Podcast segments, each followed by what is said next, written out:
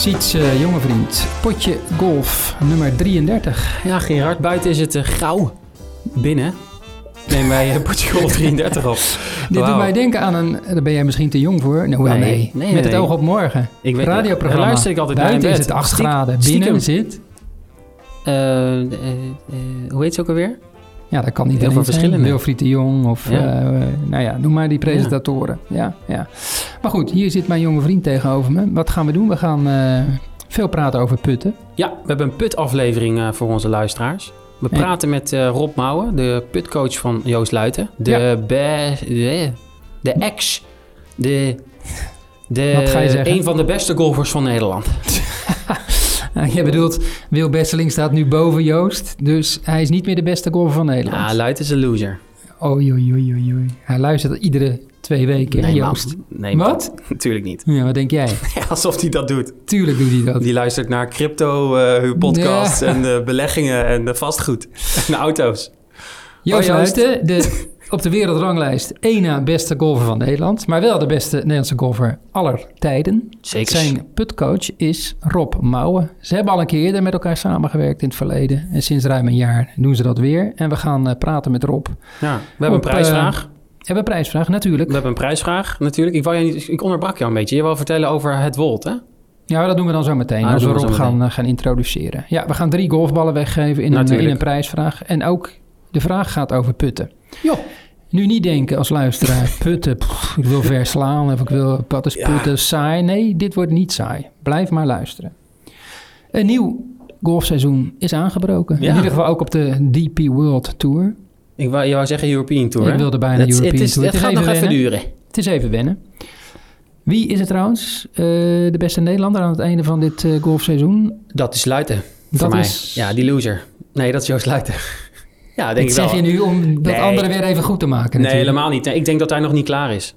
Hij is ik nog niet klaar? Ja, ik denk dat hij best wel getergd is. Ook omdat hij niet de nummer 1 is van Nederland. Dat Ja, denk ik echt. ik denk ook wel dat We dat, hebben nog niet... Ik, ik dat kan, zal ik, hij nooit toegeven. Ik kan niet geloven dat dit Joost Luiten was. Om het even heel dramatisch te nee, zeggen. uiteraard niet. Nee, maar ja. Hij is fit, hè? Hij voelt zich Daarom. fysiek hartstikke goed. Dus dat kan best wel wat worden. Maar Wil Besseling is ook heel optimistisch.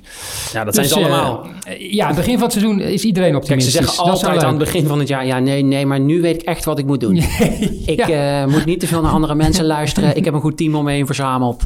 Ik heb in de winter stappen gemaakt. Ik ben in Dubai gaan trainen. Ik ben er nu echt klaar voor. Je bent echt in topvorm. Nee. Maar zo is het wel. Maar golfers moeten ook optimistisch zijn en hoop. Zonder hoop golf je niet. Ja. Dus wat dat betreft. Ja, dat thema hebben we ook al behandeld, hè? En zo is dat.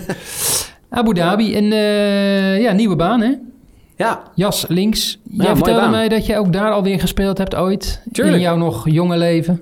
ja nou, dat was datzelfde, diezelfde week dat ik eh, de Tiger mocht eh, bekijken. Op Abu Dhabi Golfclub was dat dan. Waar toen nog dit kampioenschap werd gespeeld. Maar die week mocht ik ook eh, Jas links spelen. En nog een andere baan. Sadia Beach, ja. Ziet er heel mooi uit, dat jas Ja, dat links. is prachtig, ja. Ja. Ja, een beetje links eigenlijk, hè. En dat is toch wel bijzonder in dat Gek gebied. eigenlijk, hè? Dat het jas links, dat het dan een beetje linksachtig is. Zou je niet zeggen? Nee. Hoe bedoel je? Dat het, daar, dat, dat het kunstmatig is, ja, bedoel nee, je? nee, maar ja, jas links, ja, een beetje linksachtig. Ja, nee, dat begrijp ik, ja. Oh, ja, nou, je hebt ook, eh, nou ja... Ja, ik wou bijna je voorbeelden noemen van banen die het woord links gebruiken, maar Ja, dat zou waar maar echt van inland, toepassing is. inland links Ja. staat. Ook zo'n mooie Inland uitdrukking. links inderdaad, ja. Ja. Hoe dan ook. Eh, Ja, dat gaat wel een mooi, eh, een mooi, golf, eh, een goal, mooi golfjaar worden. Super groot toernooi. En een mooi jaar. En eh, ja, ben heel Ja. benieuwd. Ja. Kijk ernaar uit. Weet je waar ik ook benieuwd naar ben? Oh. Naar onze Vinnie. Oh, jij wilt nog even hebben over vorige week. Ja, wij waren samen op pad.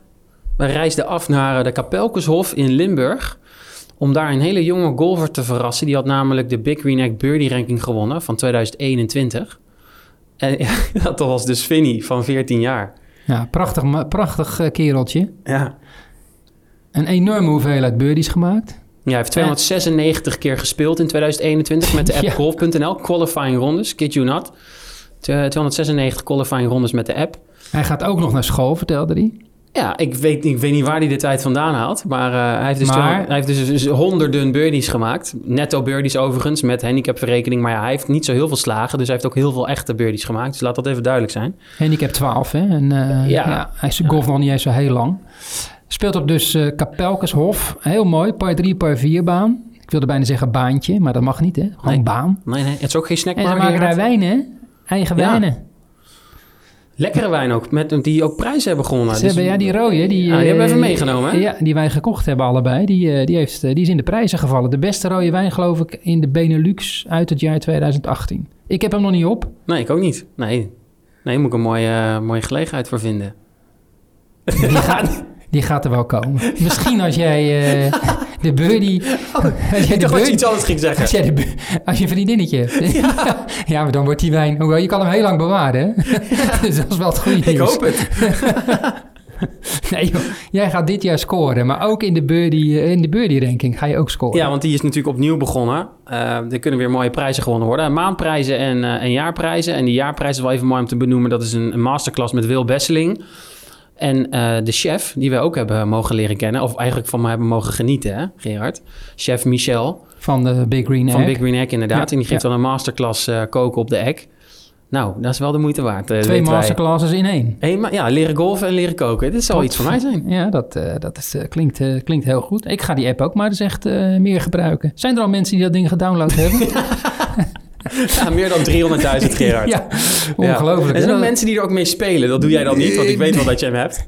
Dat is wel een eh, eh, groot succes natuurlijk. Hè? Meer ja, dan ontzettend groot 300.000 succes. keer gedownload. Jongen, jongen. Ja, man. dus vul al je qualifying rondes in dit jaar eh, in de Big Green Egg Birdie Ranking. En dan maak je kans op mooie prijzen. Doe. Ja, en wat je kan zien trouwens, is het filmpje dat we met Vinnie hebben gemaakt. Was echt prachtig, Ja. hè? Die kwam Ja, zo ja, koud aanlopen uit school met zijn vader.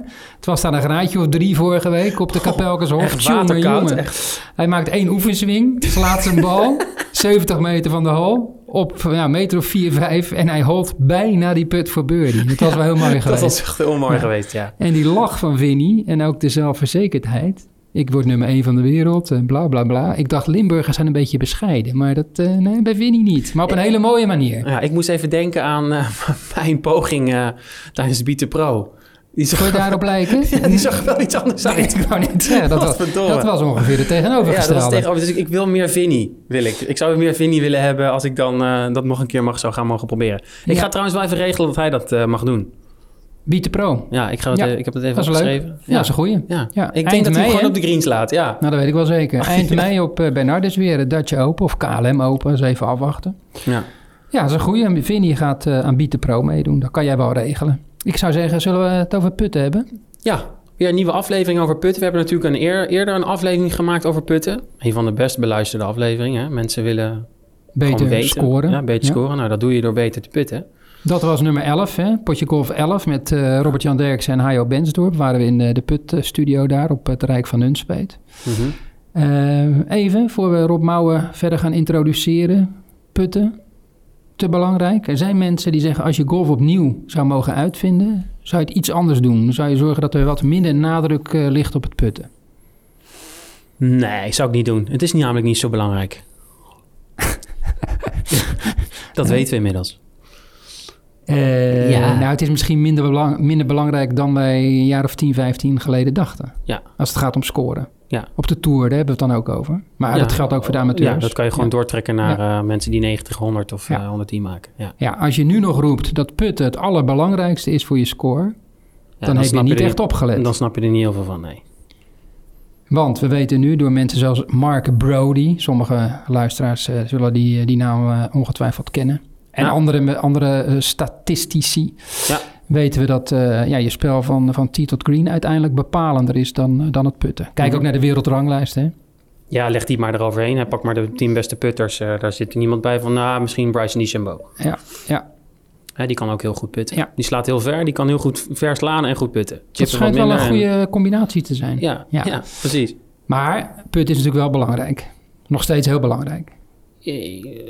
Ja, Wat? nog steeds heel belangrijk. Ja, ja, is belang- ja, het is een onderdeel van het spel, ja. Oké. Ja, maar, Maar je- je wint niet heel als je, snel. Als je zegt, ja, chip is, maar chip is ook eigenlijk heel belangrijk. En ijzers is eigenlijk ook heel belangrijk. Wat, dan zeg je dus eigenlijk niks, vier keer achter elkaar. Nee, oké. maar je gaat op iedere hole ga je putten in principe. Tenzij je hem uitholt. Ja.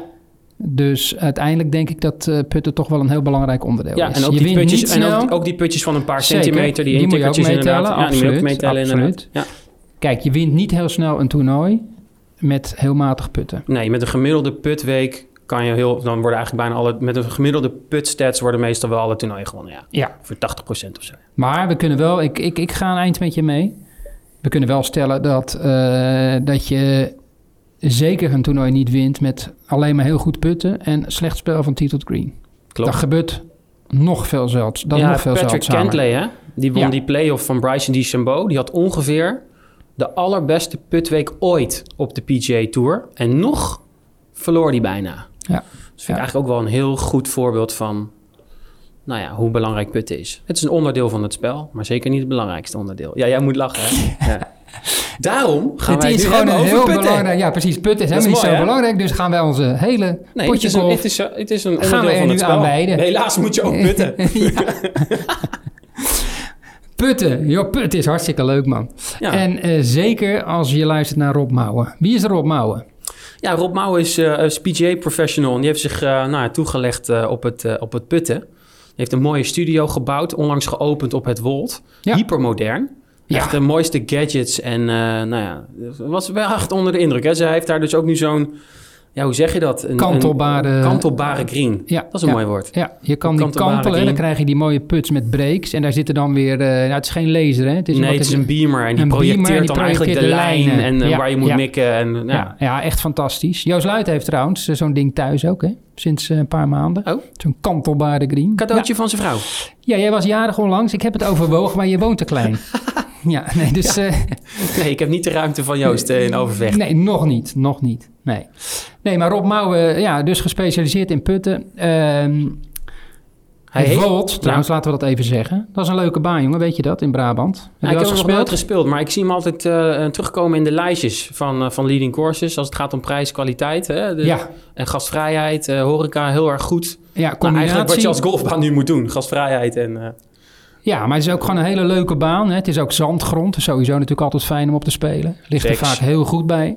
Nee, maar de, de, de eigenaren daar, die hebben een horeca-achtergrond. En dat, eh, dat merk je. Het is daar echt, echt goed verzorgd. Goed eten, goed Ja. drinken. En je kan er dus ook heel goed putles krijgen. Iedereen kan gewoon bij Rob terecht. Hè? Ja. Hij heeft het druk. Maar als je gewoon het eh, naar zijn ja. website gaat, robmouwen.nl denk ik, of Google even. Dan, eh, dan ga je dat zeker vinden. Nou, hij werkt dus met eh, ja, diverse spelers, maar ook met, eh, met Joost Luiten. Tweede periode nu met Joost. ja, Ze werkten samen van 2011 tot en met 2015. Mhm. Tot en met 2015. Was voor Joost trouwens een hele goede periode. Toen een tijd niet en nu sinds ruim een jaar weer wel. En het gesprek met Rob beginnen wij op het moment dat...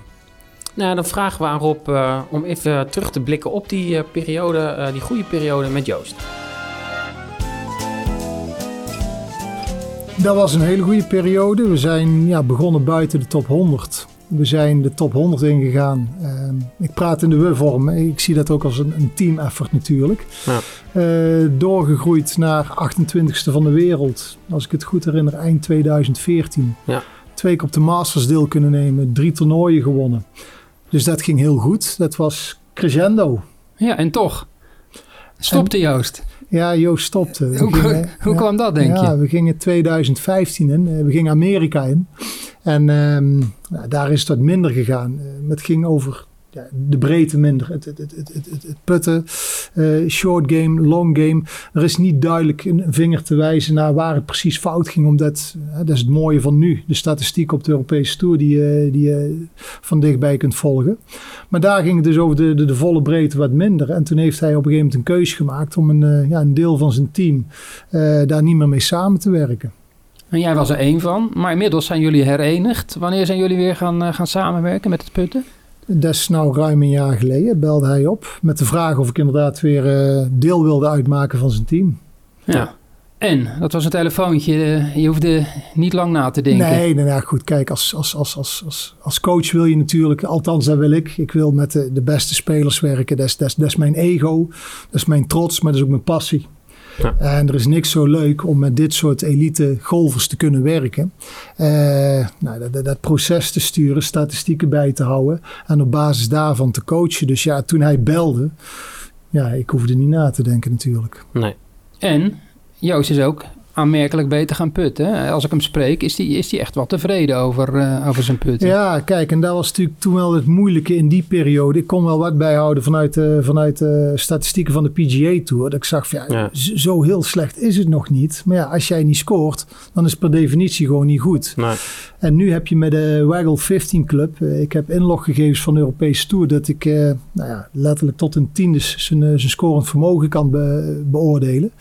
En dan zie je dus inderdaad dat hij um, ja, heel veel beter is gaan putten. Ja. Uh, hij staat nou, of hij is, heeft afgesloten als dertigste van Europa uh, op de statistieke strokes gained. Ja, positief hè, ook geloof ik hè, dus. Dan je, zeker als je dertigste bent. Ja, je staat gained. Ja. Hij, uh, hij pakt 0,44 per rondje. Ten opzichte van het veld, hè? Ten opzichte ja, van dat het veld. zo werkt uh, strokes gained. Dus Wat heb is... jij, kan je in het kort zeggen waar jullie aan gewerkt hebben uh, sinds je weer met elkaar uh, samen bent?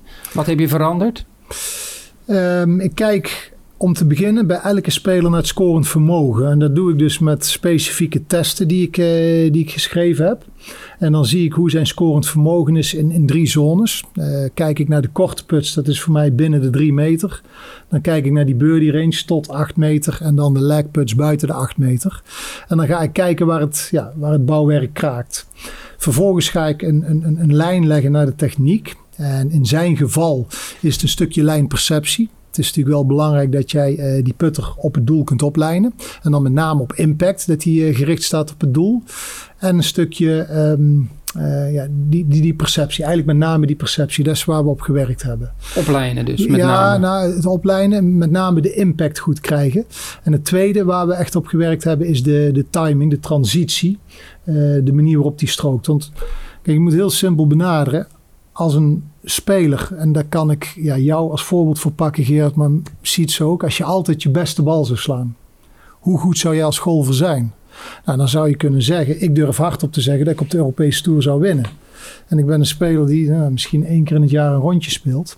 Maar als ik altijd mijn beste bal sla, dan, dan sla ik dus altijd de rechte bal. Mm -hmm. Die 240 meter van de tee gaat. En een ijzer 4 die altijd 170 meter naar de pin gaat. Of een put van 8 meter die er altijd in rolt. Of van 2 ja. of van 3 ja. meter. En waar zit dat geheim? Dat zit hem niet zozeer in een grip, in een houding, in een balans, noem het maar op. Dat zit hem met name ook in een heel stuk timing. De transitie, de overgang van de op naar de neerzwaai.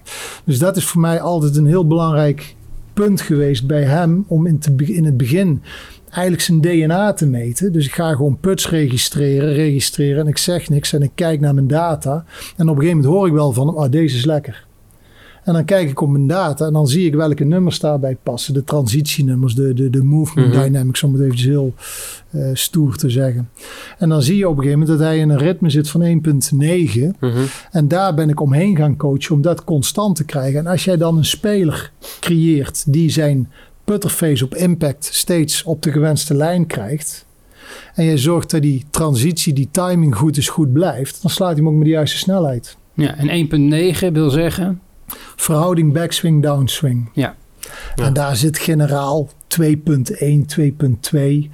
Dus daar, uh, veel spelers zeggen ook Joost is een beetje jerky, een beetje Ja. fel, een beetje Poppy snel. of zo, of nou ja, een beetje snel. Ja. Ja, maar ja, Ja, dat maar- is hij. En daar is hij ook heel goed in, want daarmee wint hij ook toernooien. En daarmee kan hij ook heel goed, zijn of hij laat aan de statistieken zien dat hij daar heel goed mee kan putten. Dus dan is de vraag, blijf jij doorontwikkelen? Wil jij die techniek doorontwikkelen, eh, anatomisch, biomechanisch? Of ga jij gewoon hetgeen wat je hebt standaard maken, permanent? Ja, precies. En, En dat daar- is dus niet één blauwdruk. Nee, want je noemt net een voorbeeld van dat tempo eigenlijk. Dat je zegt bij Joost is dat op 1.9, maar dat zou ook iets anders kunnen zijn. En dan probeer je zeg maar hem te trainen om dat makkelijker te kunnen herhalen. In plaats van, nee Joost, je moet naar 2.2. Nee, of je ik zoek moet... naar een blauwdruk voor de speler. Ja, precies. Ja. En natuurlijk werk ik vanuit een model. Ik bedoel, eh, iedereen is een modelcoach. Iedereen heeft een plaatje voor zich. Alleen uiteindelijk ga je kijken welk plaatje, of nee, hoe het plaatje aangepast moet worden op de, op de, op de speler. Ja. En dat wordt wel de blauwdruk. En daar heb ik heel bewust voor gekozen om daar een, een, vol seizoen op in te zetten. Gecombineerd natuurlijk met greenlezen. Dat is natuurlijk een sterk onderbelicht onderdeel. eh, Mhm. Ehm, en ook een valkuil als je put coaching doet. Je hebt een mooie studio met allerlei apparatuur. Ja, het is hier allemaal zo plat als een pannenkoek. Ja. Dan vergeet, vergeet je het greenlezen nog wel eens. En daar ben ik dus ja, dit jaar duidelijk niet vergeten. ja, en je zegt ook even nog heel even terug naar perceptie. Dus, dus ook wat de speler zelf voelt. Als hij tegen jou zegt van ja, dit was een goede strook. Dan denk je van hé, hey, gaat er een lampje branden van hé, hey, nu wil ik wel zien wat voor data daar dan bij past. Nou, absoluut. Want goed putten is onderbewustzijn. En ehm, als hij iets ervaart als zijnde goed, is dat zijn waarheid. Dat is de waarheid van de speler. En dan moet je altijd ermee. Uiteindelijk heb ik ook een waarheid. En die twee moet ik samen laten komen. En dan, dan kom je samen tot een punt waarin, zich, waarin hij zich heel prettig voelt. Hè, om Mhm. terug te gaan naar de blauwdruk. Als ik Joost ga drukken naar een blauwdruk van 2.1 in, in, in, die, in die, die upswing, downswing. Daar wordt hij niet gelukkig van. Dat is één. Hij kan het. Hij kan het, want daar, het is een tourspeler, die kan alles. Alleen gaat hij daardoor optimaal putten. Dat Ja. gebeurt niet. En onder druk. Ja, onder, nou, daar, daar gaat het dus om. Als hij, ja. Maar dat is wat ik bedoel. Nou, nou kaart je het zelf aan onder druk. Als jij goed put, is het onderbewustzijn. En dan heb je uiteindelijk niet meer zo last van die druk.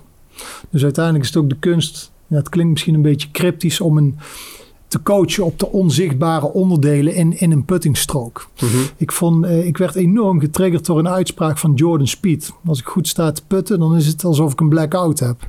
Ja. Ik van, nou kijk, daar is het dus. Ik heb ook Ja. vaak het idee dat ik een blackout heb op de green. maar dat is als die eh, er van 60 centimeter weer naast gaat. Maar dat is dus iets anders. Hey, eh, Rob, kan iedereen, iedere amateur... Kijk, we gaan nooit een drive slaan van 300 meter. Althans, wij niet. Eh, maar kan iedere amateur in principe een heel goede putter worden? Ja, je zou moeten definiëren wat een goede putter is. Maar kijk naar clinics. Als je startende golfers voor het eerst ballen laat slaan. Of je laat startende golfers voor het eerst ballen putten. Iedereen raakt die bal. Iedereen rolt die bal over de green. En je hoeft niks te zeggen. Na een minuut of vijf doen ze het ook nog met een behoorlijk gevoel. Dus je ziet dat biomechanische aspect van goed putten is makkelijk. Dus ja, je kunt zeggen dat iedereen wel een goede puttingstrook en daarmee een goede putniveau kan ontwikkelen. Alleen om uiteindelijk, hè, en daarom is die definitie zo belangrijk, onder druk goed te kunnen putten. En op greens met grain of op greens die heel snel zijn, Mhm. ja, dat is een ander verhaal. Ja. Dat is een ander verhaal.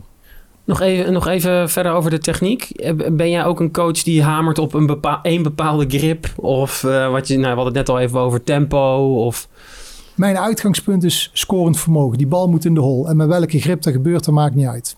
Dus ik begin altijd met testen. Ik begin altijd met te zien hoe de speler die bal in de hol slaat. op Korte puts, middellange Mhm. puts en lange puts. Ja. Daar begint het mee. En uiteindelijk stel je de diagnose dat die bal niet vaak genoeg in die hol vliegt. En dan ga je kijken waar het hem in zit. En dat zou natuurlijk een stuk vertrekrichting kunnen zijn. Gevoel of greenlace. Dat zijn eigenlijk de drie pijlers waaromheen je dat putten kunt opbouwen. En dan ga je inderdaad kijken hoe je een techniek functioneler kunt krijgen. Dat die bal beter op lijn vertrekt. Hm. Maar het begint bij mij altijd buiten. Ja. Het begint eigenlijk met bij het lezen van statistieken. dus je, je vraagt als, we, als wij, als Gerard en ik hier binnen zouden komen... dan eh, kan je al beter met ons aan de slag als wij met statistieken zouden komen. Van al die, nou, er zijn best wel veel moderne systemen waarbij je dat kan bijhouden als recreatieve golfer. Ja, Vind je- dat helpt jou wel. Dat, nou, dat, dat, dat, dat helpt mij. Kijk, het probleem is als jij een, ehm, een diagnose stelt. Eh, ik krijg een cursist hier Mhm. en ik stel een diagnose. Doe ik dat op basis van hetgeen wat ik zie. En ik kan een diagnose stellen op basis van beelden, op data Ja. of op scorend vermogen. Dus ik kan, ik kan het al een stap voor zijn door een speler te verwijzen naar een app en daarin een aantal drills te doen. Ja. Of ik stuur een Excel-formulier op en ik Ja. laat een aantal drills spelen. En dan zie ik al van oké, deze speler heeft, die maakt veel drie puts. En dan kun je herleiden, dat, dat werkt mooi met het strokes gained. Kun je dat herleiden dat die lange eerste putter niet kort genoeg bij ligt. Dus hij zet zichzelf onder druk. Nou, dan heb je een uitgangspunt. En vervolgens ga ik dat verifiëren buiten op de green. Dus sessies beginnen bij mij buiten altijd. Ja. Tenzij het te koud is. Tenzij het nat is. Ja, daarvoor ben ik ook puttingcoach geworden natuurlijk. Ik ben een watje wat betreft weer. Ehm, vervolgens heb ik een beeld, een plaatje. En als ik naar binnen ga, dan weet ik eigenlijk al wel waar ik moet gaan werken. Ja. Ik weet ook al in grote lijnen hoe ik dat wil aanvliegen. En vervolgens gebruik ik mijn apparatuur en mijn studio om dat ja, zichtbaar te maken voor de speler. Nog wat diepere analyses voor mezelf te kunnen maken. En op Ja. basis daarvan stel ik een diagnose, plan van aanpak en drills. Rob, je hebt al een paar keer gezegd, het gaat mij om scorend vermogen. Die bal moet gewoon in de hole. Dus hoe we dat doen met dat putten, al beweeg ik mijn hoofd met, aan alle kanten mee, dat maakt jou uiteindelijk niet uit. Kijk eens naar hoe iemand onderaan zijn bal gooit en kijk eens hoeveel beweging daarin is. Eh, kijk naar de beweging van de pols, kijk naar de beweging van de heup, kijk naar de beweging van het hoofd. Ehm, dus ja, het interesseert mij niet hoe die bal erin gaat. En dan moet ik daar één nuance bij aanbrengen. Het moet natuurlijk wel constant gebeuren. Ja. Dus als het bewegen van het hoofd resulteert in een, een bijbeweging van het lichaam. En die bij- bijbeweging is op een 3 meter put eh, wat meer en op de volgende 3 meter put wat minder. Heeft dat direct invloed op de rotatie van het putterblad. Dus inderdaad, dan zou het wel functioneel kunnen zijn om te zeggen hoofdstil. Maar ik ben dus niet een coach. Kijk, als je nou in mijn studio kijkt, zie je nergens een, een een quote hangen van Nee. Het blad moet recht staan. Of, of, of, of hè, de balans moet zus of zo zijn. Nee, die bal moet in de hol. Want als jij, als jij naar de Tour zou kijken nu, zie jij dan dat er, als je kijkt naar de verschillende technieken, dat er meer overeenkomsten steeds meer zichtbaar worden? Of, want ik zie heel veel verschillende technieken. Hè? Ja, maar dat is... Qua grip dus, qua soort putter zelfs. Hè? Wat Bryson DeChambeau doet met zijn putt is totaal anders dan wat eh, nou ja, Jason Day of eh, Jordan Speed doet. Of Ja, allemaal zijn- goede putters. Ja, absoluut. Het zijn goede putters en het zijn allemaal spelers die eh, in de top van het circuit spelen. Dus des te mooi is het om te zien dat er voor elke speler een systeem is. En je, be- je traint een systeem en aan de hand van statistieken kun je dus zien, nou, dit systeem is functioneel. Of je ziet aan de hand van de statistieken, dit systeem is niet functioneel. En dan Mhm. is de vraag aan welke knop ga je draaien. Ga je aan die technische knop draaien? Ga je, hè, ga je vervolgens werken aan zijn grip of aan zijn houding of aan zijn balpositie of aan zijn, noem het maar op. Of moet je juist met dat systeem gaan werken aan het green lezen? Kijk, ik, ik, ik vind techniek, vind ik en vond ik, eh, vaak een, een overgewaardeerd iets. Ehm, als je bijvoorbeeld een golfswing gaat bekijken van ehm, een, een Bubba Watson. Ja. Of een puttingstrook gaat kijken van eh, Jordan Speed met de ogen op het doel. Dat is natuurlijk heel, of dat is niet conventioneel. Nee. Maar ja, ze gingen er wel in. Ik denk van ja, dan ga je. Of, of Jordan Speed zijn ooglijn open. Kijk, als ik mijn vakvisie lees en ik lees mijn model, dan staat er natuurlijk keurig een symmetrie omschreven, een ooglijn parallel, noem het Ja, maar op. ja. En als ik dan ga kijken naar Speed, dan denk ik van ja, potverdikkie of een Tiger, die past daar mijn grip niet in, die past daar mijn ooglijn niet in. Wie ben ik dan om te zeggen van zo moet het? Ja. Dus nee, ik... eh, Nou, Ik zijn vind- tal, tal van voorbeelden. Ik moet wel denken aan Brand Snedeker of Erwin Badley. Ook heel extreem goede putters. Maar hoe snel ze het doen en hoe routines, Ja. hoe anders dat is. Sommigen wel oefenstroken, anderen dan weer niet. Gaat gewoon achter de bal staan putten. Dat is, ja. maar Brent Snedeker- is geen 1.9 hoor. Die komt denk ik ook op 1.4. Nou ja, Als we dat je. ritme dat ritme bedoel je. Ja. Nou ja, goed. Kijk, je ziet met name zijn laatste blik op het doel. Kijk, uiteindelijk denk ik dat het meeste van jouw resultaat bepaald wordt in die laatste seconde voordat je slaat.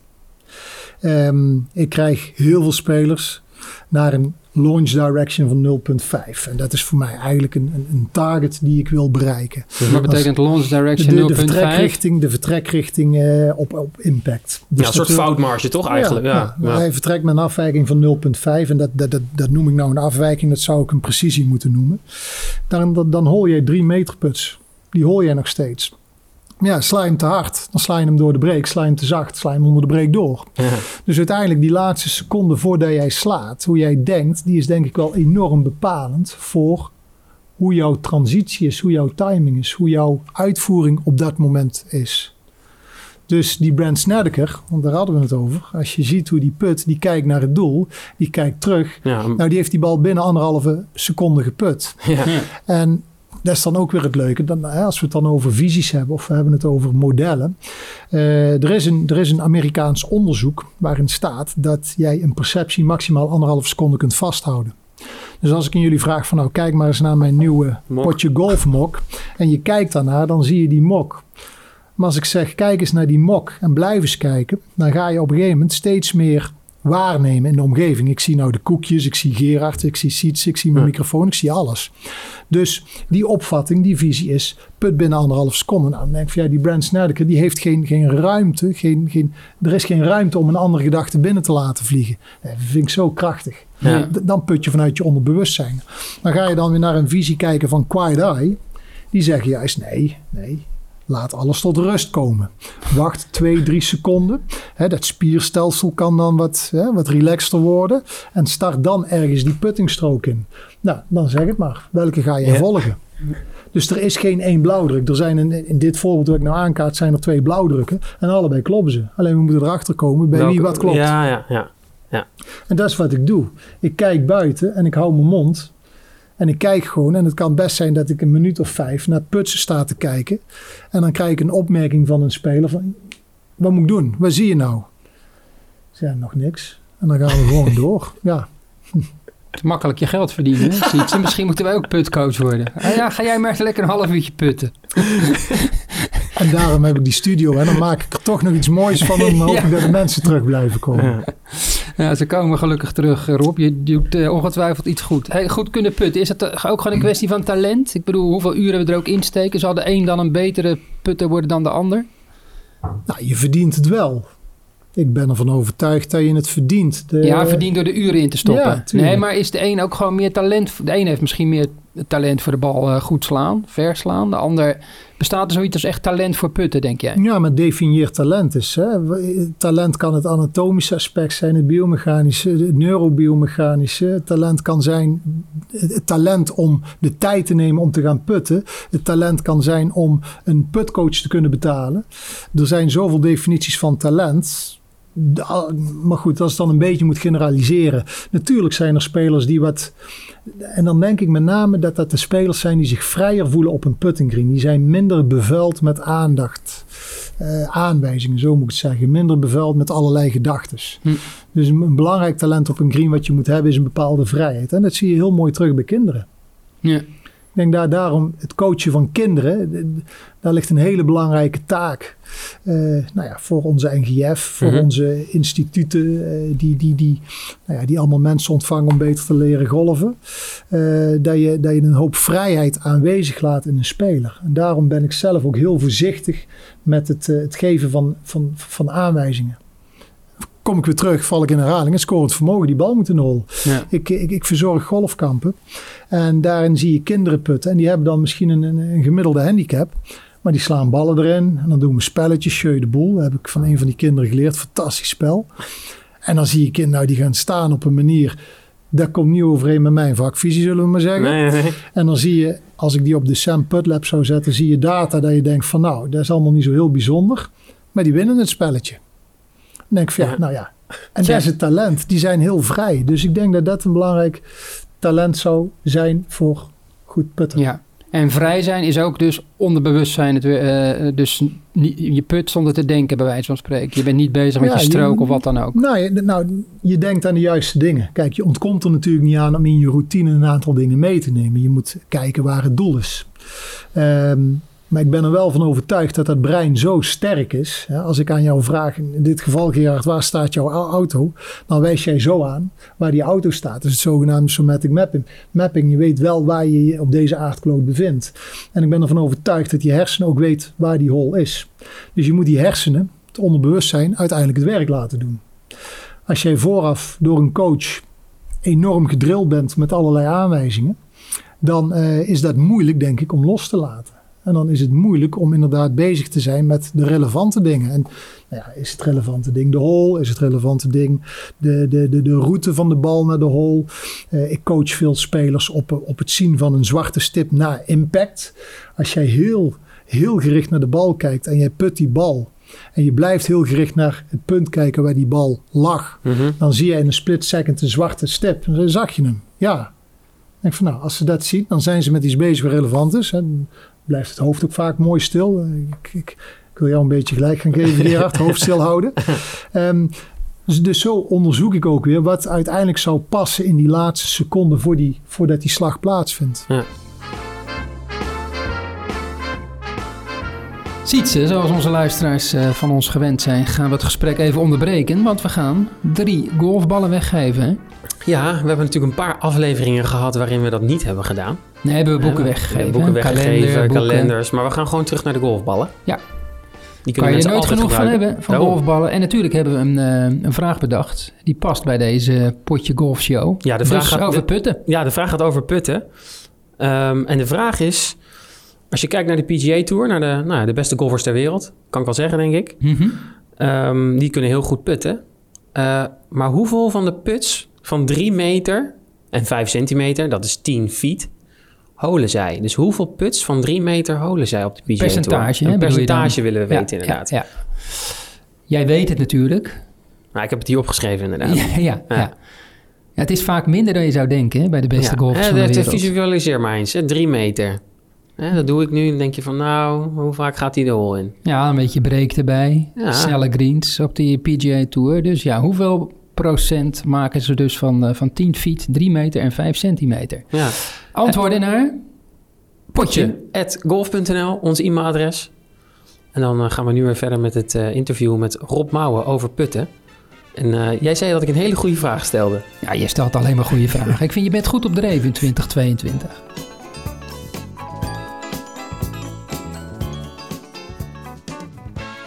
Is, jouw is jouw visie op putten veranderd? Waar, waar je, dacht je eerst, keek je eerst anders tegen de zaak aan, zoals Ja. je er nu tegenaan kijkt? Ja, die is enorm veranderd. En ik hoop dat die ook blijft veranderen de komende jaren. Want eh, ik, ik lees enorm veel. Mhm. Ik heb ehm, eh, best wel wat mensen om me heen met wie ik heel veel discussieer over putten. Waar ik een enorm hoge pet over heb, op heb. En dat zijn niet eh, per definitie golfprofessionals, maar Mhm. nou ja, wetenschappers. Eh, en daarop pas je je visie aan. En als ik mijn visie niet zou aanpassen, dan zou ik dus week in, week uit hetzelfde verhaal vertellen. En daarmee ontwikkel ik spelers ook niet. Om het voorbeeld te noemen nou met Joost. We hebben nou een bepaalde weg ingeslagen. En halverwege het jaar zijn we een nieuwe weg ingeslagen. Dan, dan, dan verlaten we dat oude pad niet, maar we gaan iets nieuws doen.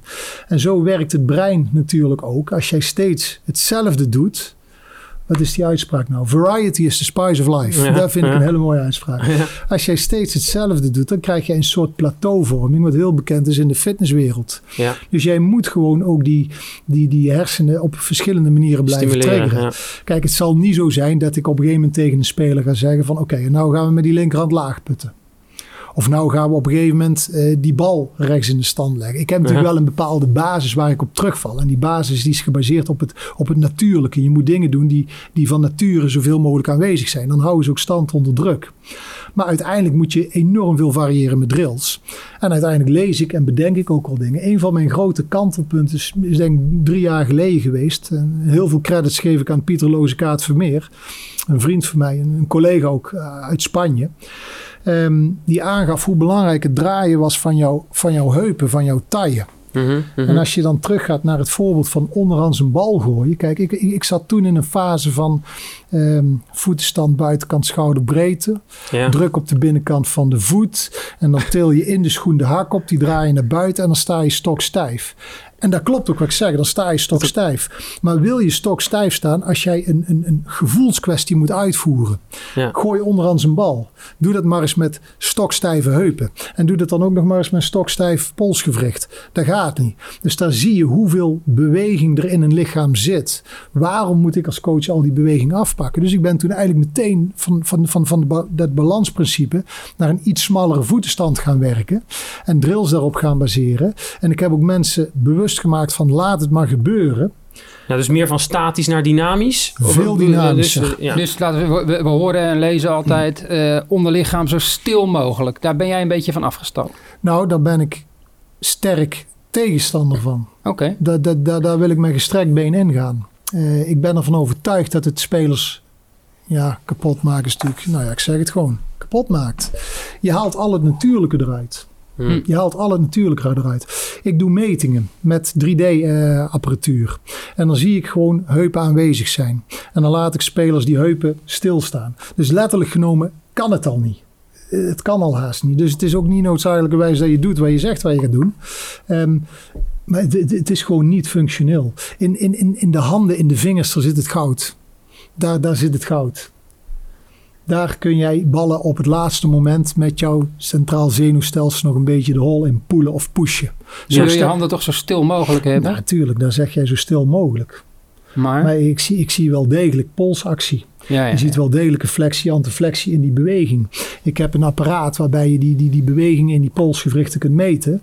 En dan zie je gewoon dat er heel veel beweging in zit. En als ik op een gegeven moment tegen een speler zeg, laat het maar toe. Of maak juist maar eens beweging. Dan zie je ook spelers terug die dat blad nog wat makkelijker recht krijgen. Je moet naar een interview gaan kijken van Tiger Woods. Volgens mij was dat op een zaterdagavond na zijn derde ronde. De laatste Masters die hij won. Mhm. Weet ik trouwens niet zeker. Maar laten we dat maar staan. Hij schreef op een gegeven moment bij een van zijn belangrijke putten. Werd hem gevraagd, waar, waar, waar dacht jij aan? En Tiger die, die, die zegt op dat moment met die rechterhand releasen. met die rechterhand releasen. Want Tiger is een speler, als je die op de Sam Putt Lab zet, die zet zijn putter 2,7 graden open. Op impact staat zijn putter 0,7 kl- eh, graden closed. Dat is een Mhm. verschil van ruim 3 Nee. graden. En hij raakt die bal uit de toe. Dus dan zie je al hoe belangrijk data zijn. Hè, als, je, als je zijn data ziet, dan zie je dus data dat je denkt van nou, dat is niet zo'n goede speler. nou, ehm, Tiger is dus een speler bij uitstek die enorm veel pronatie in zijn puttingstrook, eh, sorry, rotatie in zijn, in zijn, in zijn rechterhand heeft. Ja. En die weet dat. En die zegt tegen zichzelf op zo'n belangrijke put, want het is natuurlijk heel snel gebeurd dat, dat on- onder, de, onder druk, dat jouw spierstelsel verhoogt, de spanning verhoogt en dat je daardoor die release niet hebt. Ja. Tiger Woods denkt eraan. Dus de, dat is het beste voorbeeld van hoe dynamisch ook een puttingstrook is. Hm. Kijk, in een golfswing zien, zien we, daar zit enorm veel dynamiek in. Mhm. Maar ook in een puttingstrook moet enorm veel dynamiek zitten. Niet zozeer omdat het een power game is, maar het is een Nee. gevoelsgame. Ja. En dat gevoel haal je er helemaal uit als je die gewrichten stokstijf wegzet. Maar bij korte puts wil je dan wel zo stil mogelijk? Of zit daar ook nog die beweging in? Je wil die bal in de hol en je wil dat daarmee die bal op, op het doel vertrekt. En natuurlijk is, is het zo, als jij enorm veel rotaties maakt, dan wordt het natuurlijk veel uitdagender om een putterblad recht op impact te krijgen dan wanneer jij minder rotaties krijgt. En je zult ook zien, omdat een korte put minder beweging heeft, dat er, of minder zwaailengte heeft, dat er minder beweging is. Maar het is niet zo dat het stokstijf is. Ben jij voorstander van bij korte puts, laten we zeggen tot een meter of iets dergelijks, van recht naar achter, recht door? Dat kan Nee, niet. nee, nou, dat kan dus ook niet eigenlijk als je naar jouw verhaal Als je luistert. gebogen... st- Ja. Nee, luister. Kijk, kijk, natuurkundig. Als jij als Dat lees je toch heel vaak? Recht Ja. naar Nee, achter, recht door. Maar kijk, natuurlijk kan het. Hè? Je, je hebt, je hebt, als je natuurkundig gaat kijken, het, het draaipunt van jouw puttingstrook zit in jouw cervicale, thoracale overgang. Ja, Het is dat die zeg ik dikke ook tegen knobbel. Siets. hè? Precies, luisteren eens naar Gerard. en de bal ligt grofweg onder de ogen. Dan praat je over een diagonale as.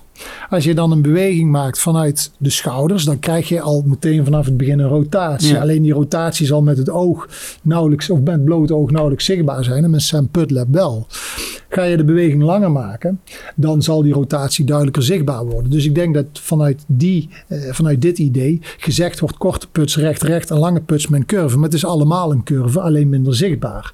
Maar het zou wel kunnen, maar dan zou je dus tijdens de backswing zou je je armen moeten strekken. Dus dan ga jij een beweging in een beweging maken om dat putterblad op lijn te houden. Dat is niet handig.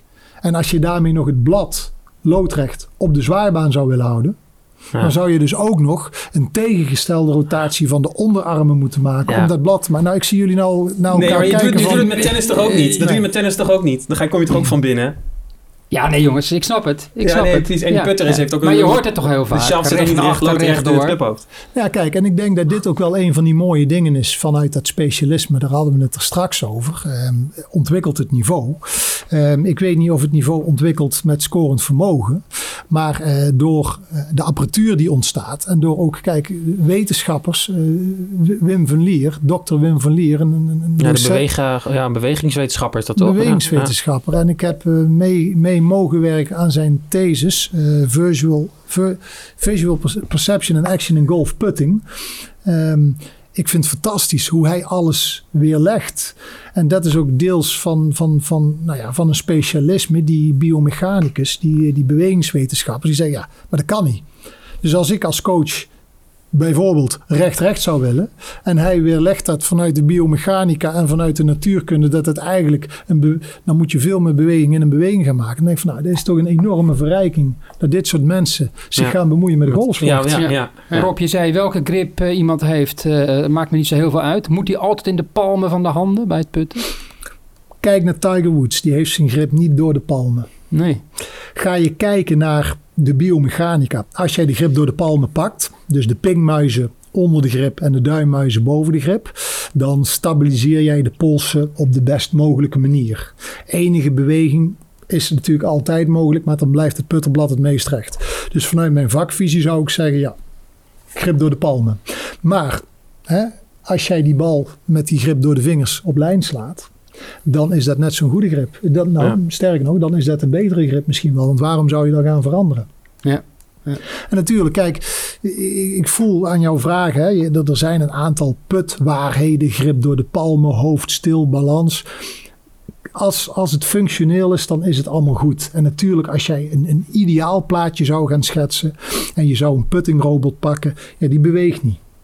En die heeft natuurlijk een heel eh, st- statisch mechanisme. Een mooie uitspraak, statisch mechanisme.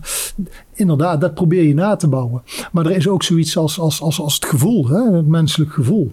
Dus we moeten oppassen dat we niet te veel vrijheid van een speler af gaan pakken. Hoe kijk je naar de trend eh, die we toch de afgelopen jaren enorm hebben zien toenemen? Is, is, is de, de pencil grips, de claw grips?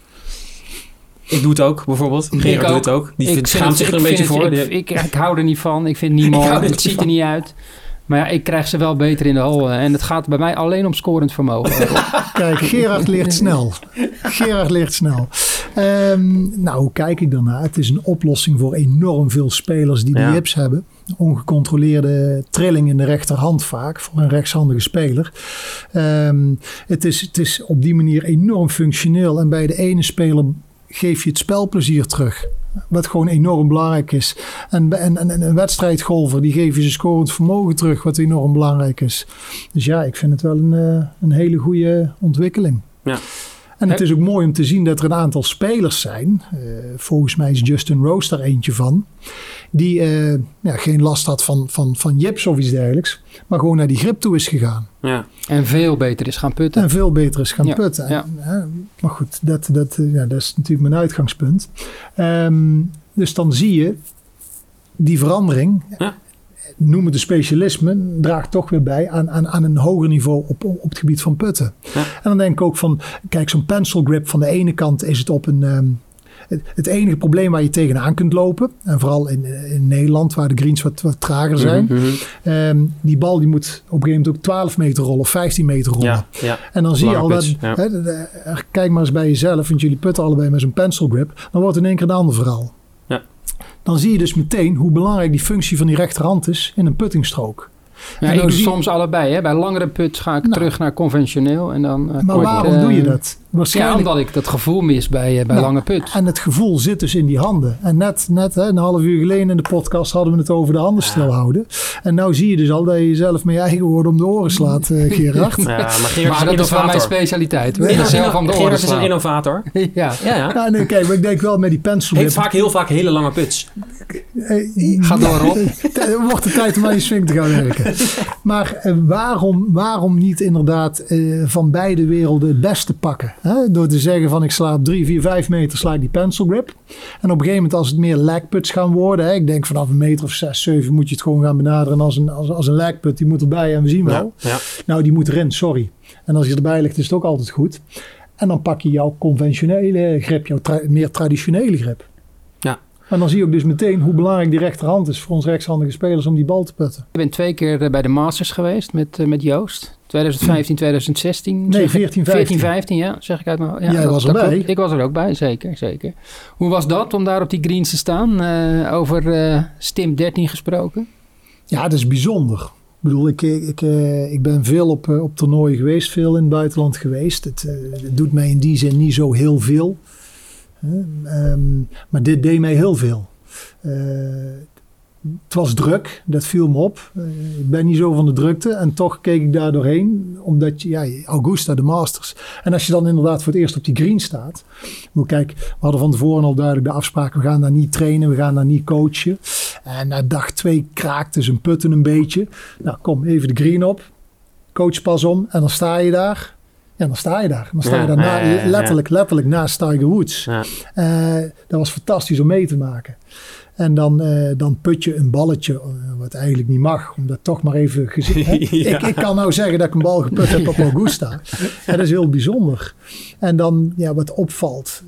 Het valt op dat die bal lang door blijft rollen. Jo, nou nee, dat bedoel ik serieus. Het valt niet op dat die bal eh, anders rolt in het begin. Nee. Het valt gewoon op dat die langer door blijft rollen. Ja. Dus ik denk dat heel veel mensen zich daar ook verbazen. Hè, dan hoor je ook vaak die opmerking.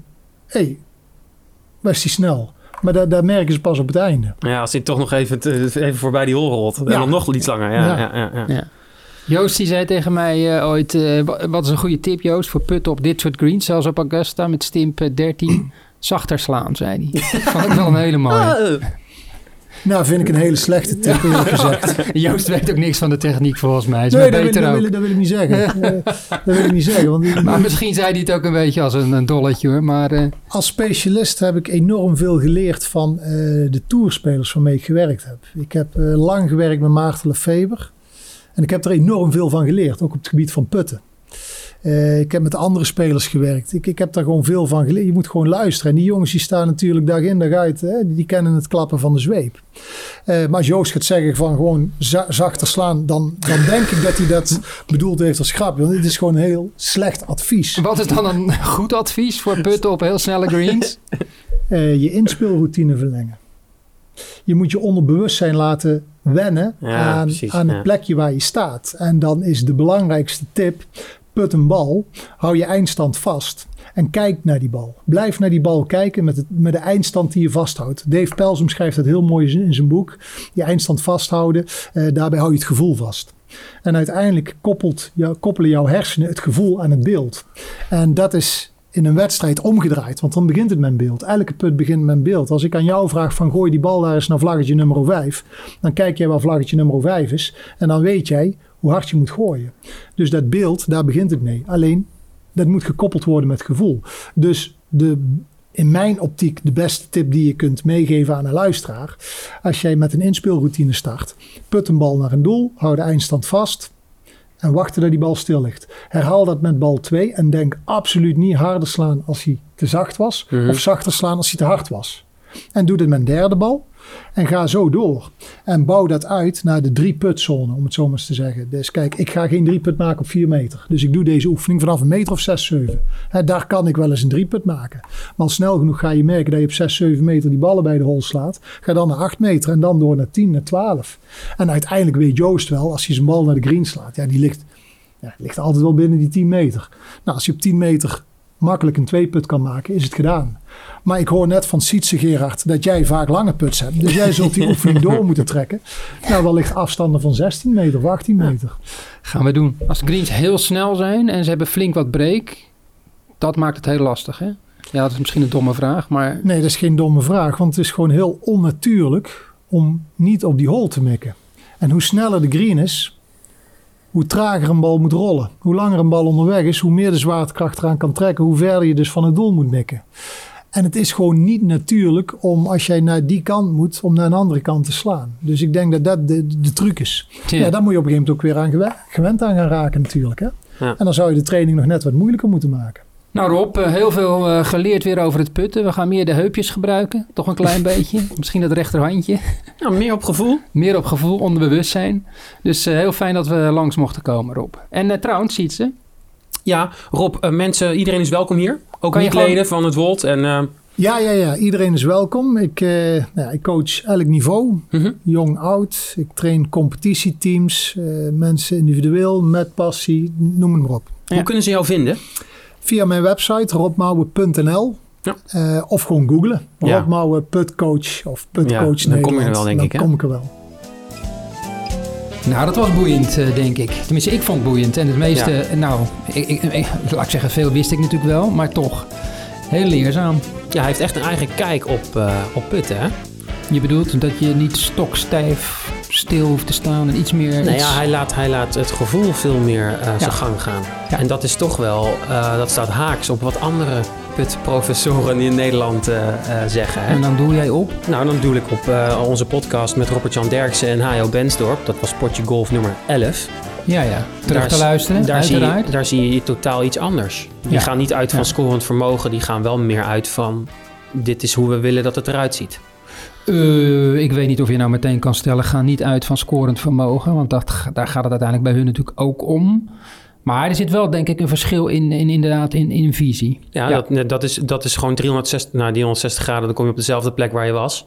Maar dat is 180 graden anders, durf ik wel te zeggen. Ja? Ja, 100, ja absoluut. Ik ben heel Dat hebben wij benieuwd. toch ook gemerkt bij HO en, en, en Robert-Jan. Dat als we daar gingen staan, dat ze dan gewoon zeiden van... nou, je staat hier te veel eh eh, oplijnen, klopt niet. En, eh, Ja, maar ik denk dat Rob dat uiteindelijk ook wel doet. Maar, eh, Nee, hij zegt als de bal de hol in gaat, maakt me niet uit of je dat doet. Tuurlijk, tuurlijk, tuurlijk. Hij heeft, maar hij heeft ook wel, laten we zeggen, een standaard model. Maar hij gaat jou daar niet helemaal inzetten. Je moet dit, je moet Nee, maar dat. hij zegt er is geen standaard model. Nee, Want nee. als je kijkt naar Tiger of Spieth of Deschambeau of noem maar allemaal maar op. Goede of slechte putters. Er is niet één standaard model. Nee, nee, nee, dat zie je En nu zeg ik ook niet dat Hajo en Robert Jan... Ik, nou ja, ze zitten hier niet aan tafel. Dus Daarom, kunnen daarom niet... zou ik zeggen, we zouden het eigenlijk zelf, we zouden het nog even aan ze moeten vragen. Hoe zij hier nou Nee, naar nee, maar, luisteren. ik- hè? ja, kom op. Maar laten we er niet omheen draaien. Dit is totaal anders. Ja, ja, nee, er zijn absoluut grote verschillen. Ja. Ja. En dat maakt het ook leuk. En het werkt voor Joost, lijkt het in ieder geval te werken, want die is het afgelopen jaar gewoon veel beter gaan putten. Ja. Nou ja, dat, ja, de resultaten spreken in die zin eh, voor zich, ja. En ik snap ook, ik weet ook wel dat Robert Jan en Hayo zijn volgens mij toen zij met Joost werkten, dat was zo'n beetje 2016 tot en met 2018 denk ik. Zeg ik even uit mijn hoofd hoor. Maar in ieder geval na Rob, denk Joost een tijdje eh, zelf dingen gedaan. Maar is toen ook naar Robert Jan en Hayo gegaan. En ik denk, of ik meen te weten, dat zij ook wel echt op dat ritme hebben gewerkt. Hè? Mhm. meer, meer naar dat zogenaamde ideale ritme. Ja, Wat voor Joost dus kennelijk te langzaam is. ja volgens, hun, volgens hun model. Nou ja, voor Joost natuur. hè. Ja, Laten precies. Joost en dan zijn- zegt Rob Mouwen... nee, je moet zijn natuur gewoon zijn gang Ja. laten gaan. Ja, Want ja, onder druk al helemaal. Dan, gaat, dan gaan die dingen een rol spelen. ja. Ik vind het wel interessant. Ook mooi om naar Rob te luisteren. Hè? Dat verschrikkelijke woord passie. Maar goed, hij heeft het absoluut voor het putten. Hij heeft ons ook een eh, gratis putting eh, sessietje aangeboden. Hè? Ja, voor mijn verjaardag, hè? Voor je verjaardag. Jij bent onlangs jaar geweest. Hè? 37 geworden, jonge vriend. Je blijft altijd jonge vriend, hè? dat weet je. Ja, ik ben, ik ben in ieder geval jonger dan jij. Ja, dat gaat nooit veranderen. Die, nee, die kans is ga je vrij niet meer inhalen. En mensen kunnen dus ook gewoon luisteraars eh, naar Rob toe. Hè? Op het Wald in Brabant. Mhm. Ook mooi om te combineren met een rondje golf, want het is echt mooi daar. En je kan er goed eten. Ja. Hoe dan ook. Ik zou zeggen, we gaan Maar werken. wacht, wacht, wacht, wacht even. Oh, Ben je weer maar iets? je- iets? Nee, nee, maar ben je er al uit? Nou, bij wie zou jij naar, voor een putles gaan? Ben jij meer van het gevoel of ben jij meer van eh, de echte, het, het, nou, analytische? Ik ben vooral Denk je dat ik het zo goed omschrijf? Ja, het gevoel ja, versus het... eh. Je omschrijft het denk ik goed. Nou, ik denk dat ik vooral ben van niet te veel moeite ervoor te hoeven doen. Dan is misschien het, het, laten we zeggen, meer op intuïtie het beste. ja, misschien is dat eigenlijk wel de gemakzuchtige oplossing, hè? Eh, ja, ja, Ja, jawel. Maar dat zou weer zeggen dat... Ik denk de- dat je bij Hajo en Robert Jan meer geconfronteerd wordt met wat je doet. Ja, ja, dat denk ik ook. Dat denk ik ook, ja. Uiteindelijk geloof ik dat je er vooral flink wat uren in moet stoppen om beter te gaan putten. Ja, dat, En, denk, dat denk eh, ik ook. Wat ik zeker weet, tot slot, want ja, blijf maar doorgaan anders, is Ja. dat we gaan werken aan ons. Ons Eh, scorend vermogen. Goed zo. Nou luisteraars, doe dat ook allemaal. Dan eh, komt het helemaal goed op de golfbaan. Bedankt voor het luisteren en Ja. tot de volgende potje golf. Tot de volgende.